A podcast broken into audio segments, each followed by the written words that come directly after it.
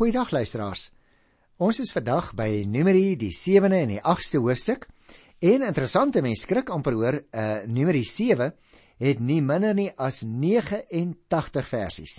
Maar as jy dit nou kyk in die Bybel, dan sê hy sien daar's so van uh vers 11 af. Het 'n mens 'n groot klomp name en dae waarop sekere mense sekere take moes uitvoer. So ons hoef nou nie te bang te word daarvoor nie. Ek sou sê dit gaan in hierdie 89 verse van Numeri die 7de hoofstuk oor die offers van die hoofde vir die diens by die tabernakel.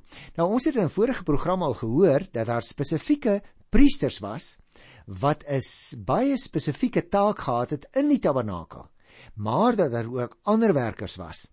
Hulle het nie die offers gebring nie, maar hulle moes toesien dat uh, daar baie belangrike werk soos byvoorbeeld die versorging van die verskillende voorwerpe, die wegneem van die as van die offeraltaar af en al daardie dinge uitgevoer moes word. Die aksent lyk vir my in hierdie gedeelte val op die toewyding aan God. Net soos die Nasareer waaroor ek die vorige keer gesels het by Numeri 6, word die tabernakel met alles wat daarbey behoort hier in hierdie hoofstuk 7 aan die Here gewy. Vir ons klink dit dalk onnodige detail, maar weer eens uit hierdie boek kom die heiligheid van God baie baie sterk na vore en daar was baie voorskrifte wat hulle moes nakom om juis uitdrukking te gee aan hulle eerbied vir die Here. Die uitvoerige vertelling oor hoe daar oor 'n tyd van 12 dae dan uiteindelik vir elke stam 'n uh, offergawe gebring is. Beklemtoon juis die heelhartige steun wat die hele volk aan die toewyding en die instandhouding van die tabernakel gegee het. Jy sien die toewyding aan die Here word hier uitgebeeld op 'n baie konkrete manier. En ek dink vir jou vir my moet dit iets sê hoor as Christus gelowige mense. Ons geloof moenie net teorie wees nie. Ons moet net met mekaar praat oor hoe lewe Christen nie. Ons moet dit konkreet vergestalt in ons lewenspraktyk elke dag. Met ander woorde, op so 'n manier wat aan elke daad funksionele betekenis gegee het. Wat beteken dit? Dit klink nou vreeslik geleerd dat in jou en my daaglikse lewe dit moet blyk dat ons aan die Here behoort. Nou kom ons kyk hier na die eerste 2 verse van Numeri 7. Nadat Moses klaar was met die oprigting van die tabernakel, het hy die tent met al sy toebehoor en die altaar met al sy gereedskap gesalf en aan die diens van die Here gewy. Die leiers van Israel, die familiehoofde en die stamleiers wat die sensus opgeneem het, het offergawes gebring. Nou dis baie interessant uh, dat ons hier lees dat hulle offergawes gebring het. Want jy sal onthou, dikwels is 'n handeling ingelei maar ook soms afgesluit met die bring van 'n offergawe. En weer eens, hier in vers 1 en 2, Moses verrig 'n belangrike priesterlike taak. Nou, interessant, want dit het eers 'n maand na die gebeure van die sensus waarvan ons gelees het in Numeri 1 vers 1 plaasgevind.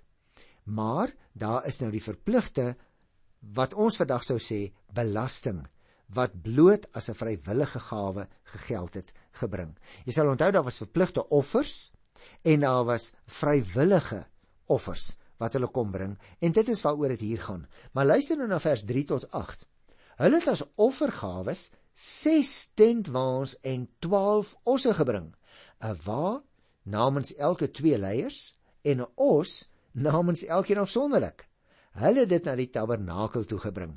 Nou luisteraars, die offergawes word gebruik, so staan dit hier, in diens van die Here. En die ses tentwaans is nou gebruik vir die vervoer van die heilige voorwerpe waarvan ons nou nou weer 'n verwysing gaan kry.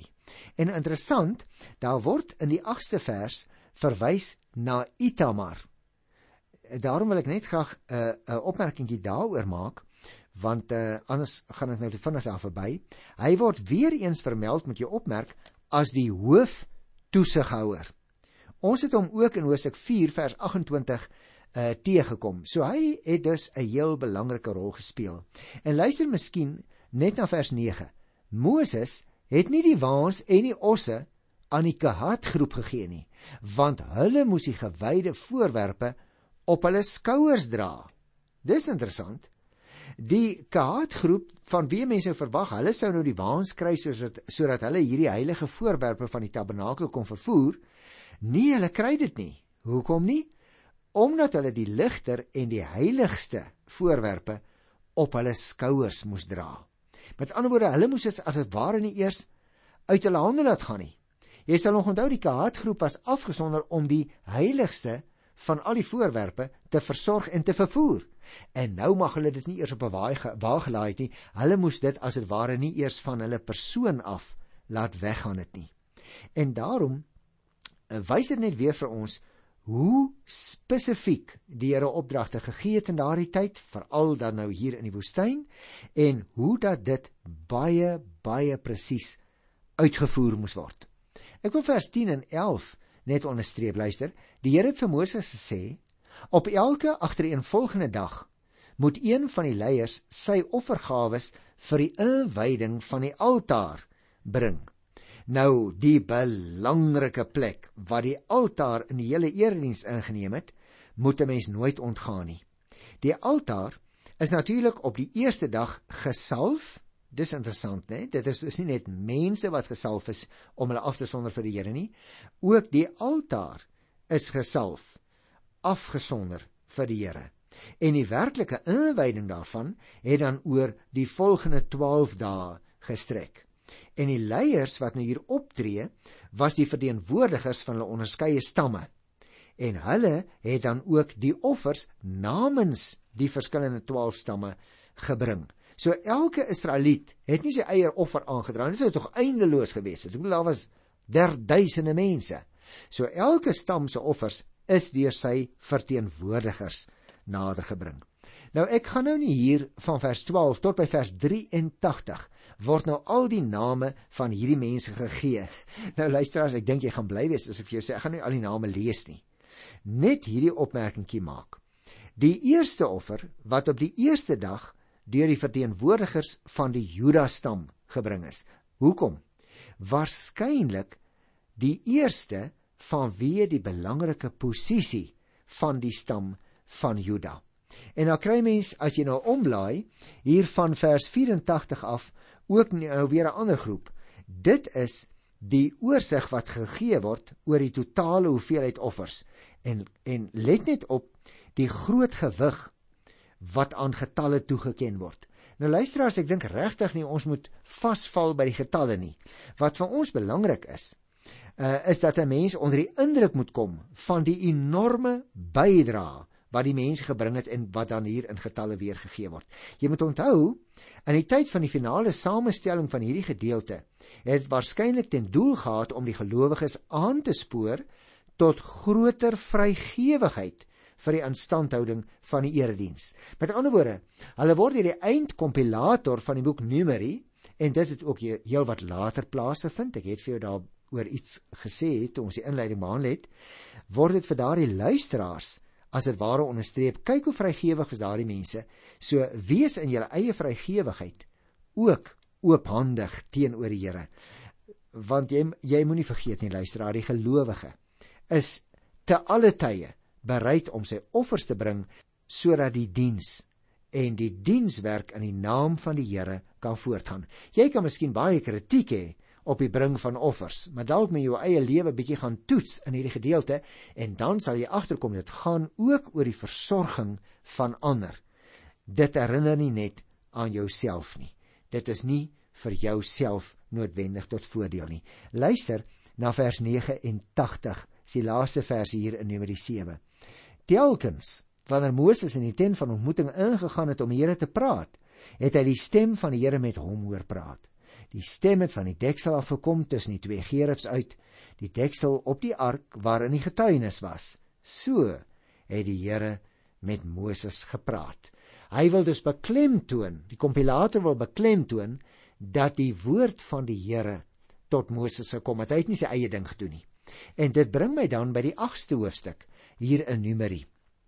Ek wil ook net 'n opmerking daaroor maak ter inleiding want jy sal sien bo aan in die Afrikaanse teks staan daar geskrywe die versorging van die kandelaar. Nou ek het 'n vorige keer al met julle gepraat oor die kandelaar met sy sewe arms uh, wat vandag nog 'n baie baie belangrike simbool is in die judaïstiese godsdiens.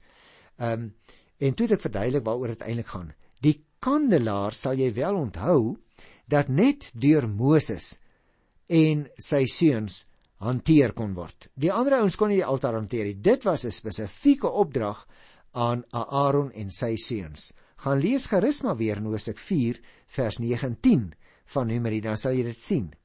En nou word gesê in hierdie gedeelte Aaron moes die kandelaar so neersit dat die lig daarvan op die offerbroodtafel in die heiligdom kon skyn. Onthou jy nog luisteraar, jy en ek wat Nuwe Testamentiese gelowiges is, onthou nog wat staan daar in Openbaring 1 vers 12 en vers 20?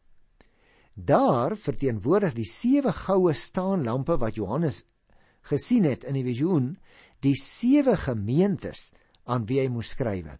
Nou, net soos die kandelaar met sy lampies hier volgens God se opdrag te hanteer moes word, moes die sewe gemeentes daar in die uh, ge gebied wat ons vandag uh, noem Klein-Asië, is die omgewing van Turkye, nê, moes hulle daar onder die troos en die tug van God se woorde hulle self verootmoedig. Nou hierdie versorging van die altaar wat dan hier vermeld word in die eerste 4 verse, word eerstens instruksies gegee oor die versorging in die erediens se gebruik van die altaar. Daar's 'n kort inleidingkie, ek wil nie die detail bespreek nie, maar die wonderlike is dit loop daaruit uit dat die Here uiteindelik daardeur praat deur Moses met Aaron.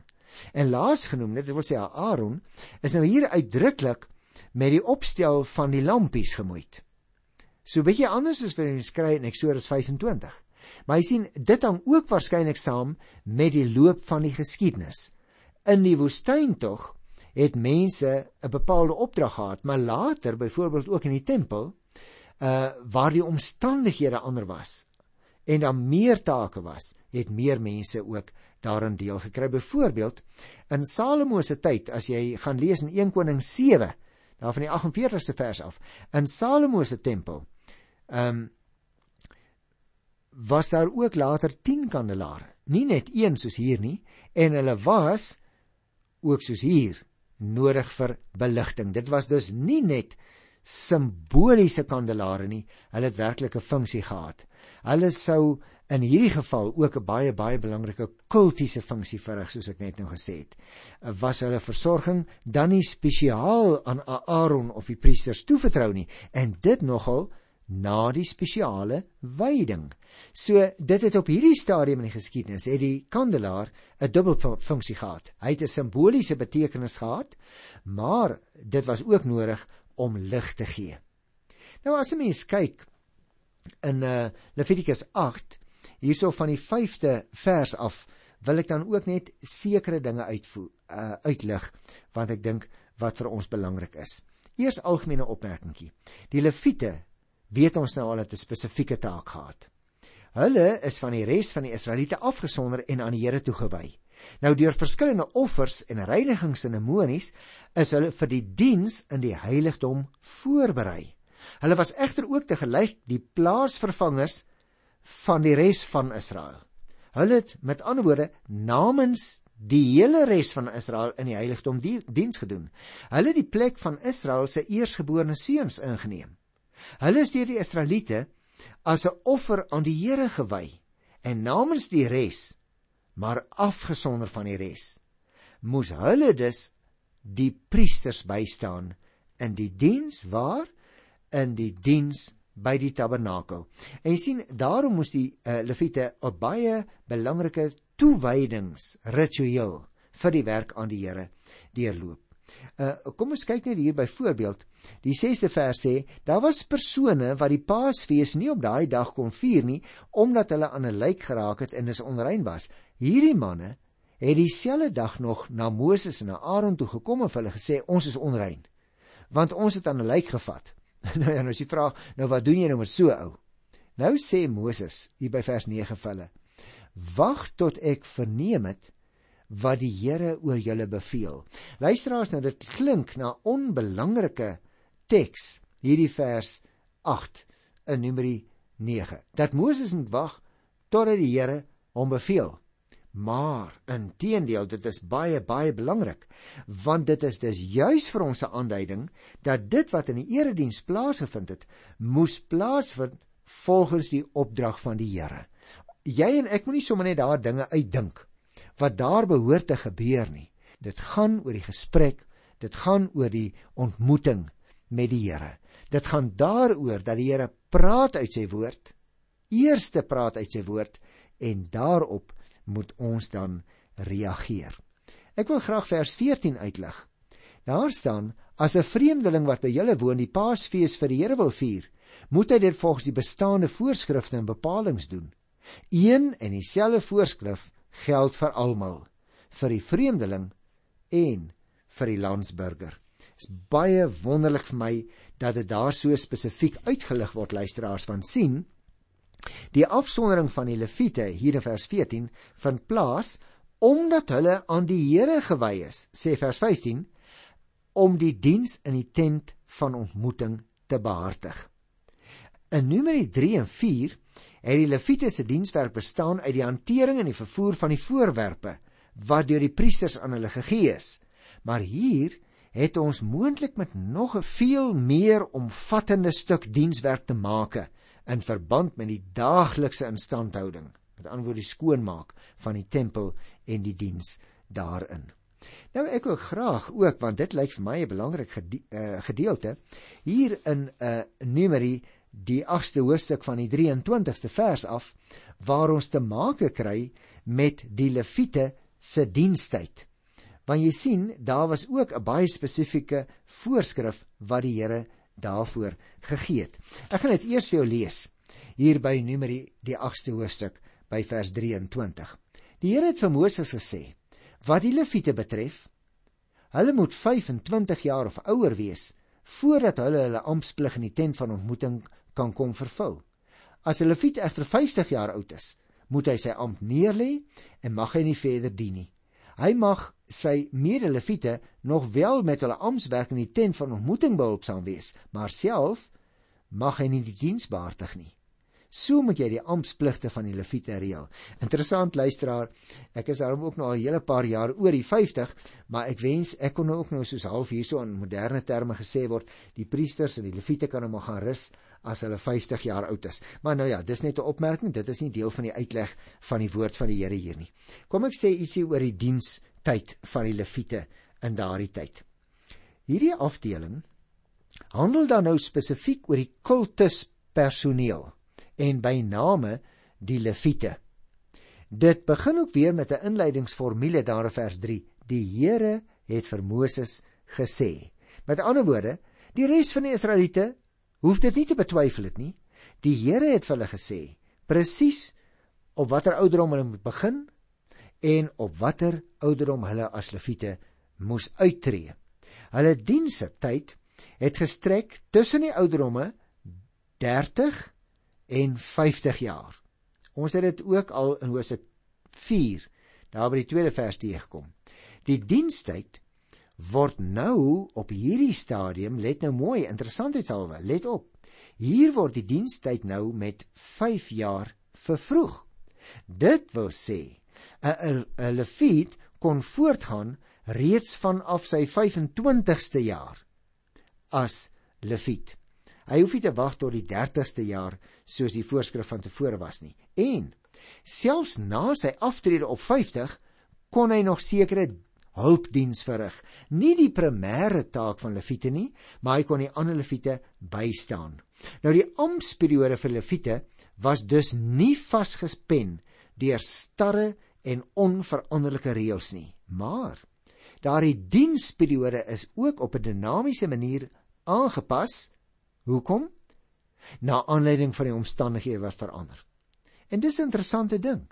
Luisteraars, ons is soms uh wat ons eie jare vir skool gaan byvoorbeeld betref of die datum waarop ons aftree, is ons vreeslik gesteld.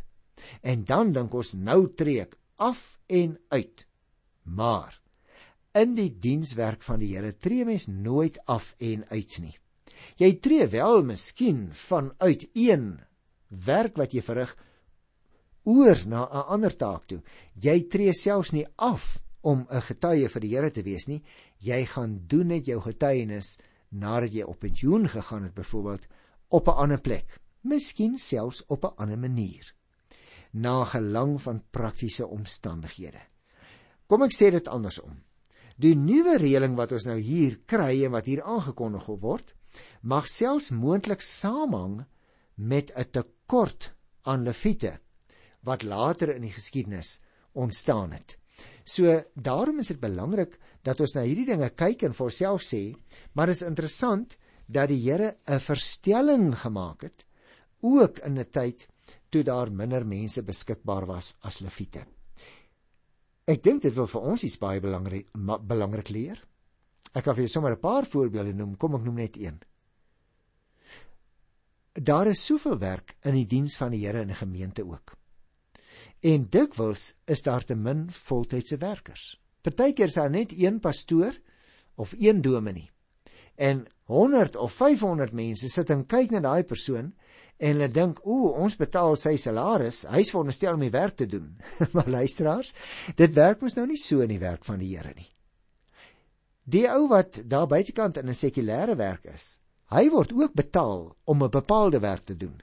Maar as hy 'n Christen is, dan het hy ook 'n groot verantwoordelikheid as getuie vir die Here Jesus Christus om daar in sy werksituasie te getuig. Ons leer dus hier vandag 'n baie baie belangrike ding hier in Numeri 8.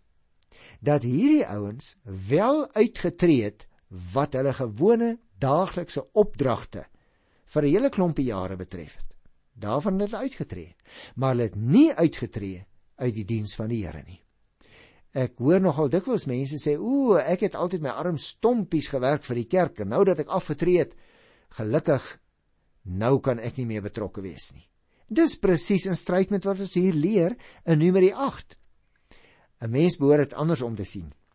Dat die ou kan sê, "Jo, nou dat ek permanent afgetree het by my sekulêre werk, nou het ek permanent aangetree in die getuienisdag." Nou gaan ek vir my ook in die gemeente so 'n bietjie 'n werkie soek. Ek gaan as ek nog so 'n los jobie het wat ek hier uh, in my vrye tyd so 'n bietjie doen, gaan ek my daarop toelê om juis 'n goeie getuie van die Here te wees. Jy weet, dit is met ons almal so, dit het met my as leraar ook so, dat 'n mens soms so opgeneem word deur jou dagtaak dat jy half vergeet om 'n getuie vir die Here te wees. Dat jy belangrike besluite wat jy in jou besigheid neem, so bietjie eenkant hou en daar kom dus uiteindelik twee spalt. Daar kom tweedeling tussen my dagtaak en my Christen wees. En hier leer ons in Numeri 8 dit behoort nie so te wees nie. Nou ja, natuurlik uh, nie soos uh, hulle dit in daardie tyd sou doen waar hulle verskriklik wetties was en almekaar na die reëls gekyk het nie. nee. Jy en ek leef mos in die voorreg dat ons vrygemaak is van die letter van die wet. Maar ons is nooit vrygemaak van ons getuienistaak nie. En daarom is ons aftree. Kom ons dank die Here vir die geleentheid wat ons het om as dit ware voldag sy getuie te kan wees.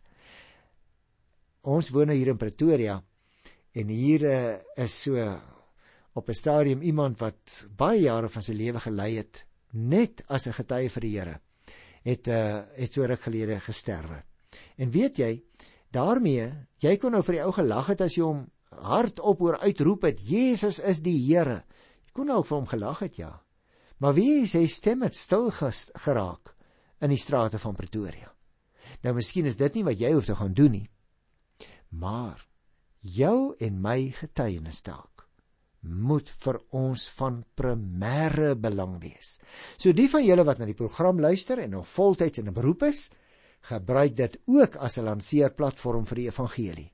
Verander wat reeds bevoorreg is om uit te getree het by hulle sekulêre werksituasie, wil ek sê, tree aan, meneer, tree aan mevrou, dat ons as broers en susters in die Here 'n duidelike stem van getuienis sal laat hoor vir die Here. Want in die Here se werk tree ons nie een ooit af nie. Tot volgende keer groet ek jou in die wonderlike naam van die koning wat ons onderrig hier uit die ou boek Numeri. Tot dan. Totsiens.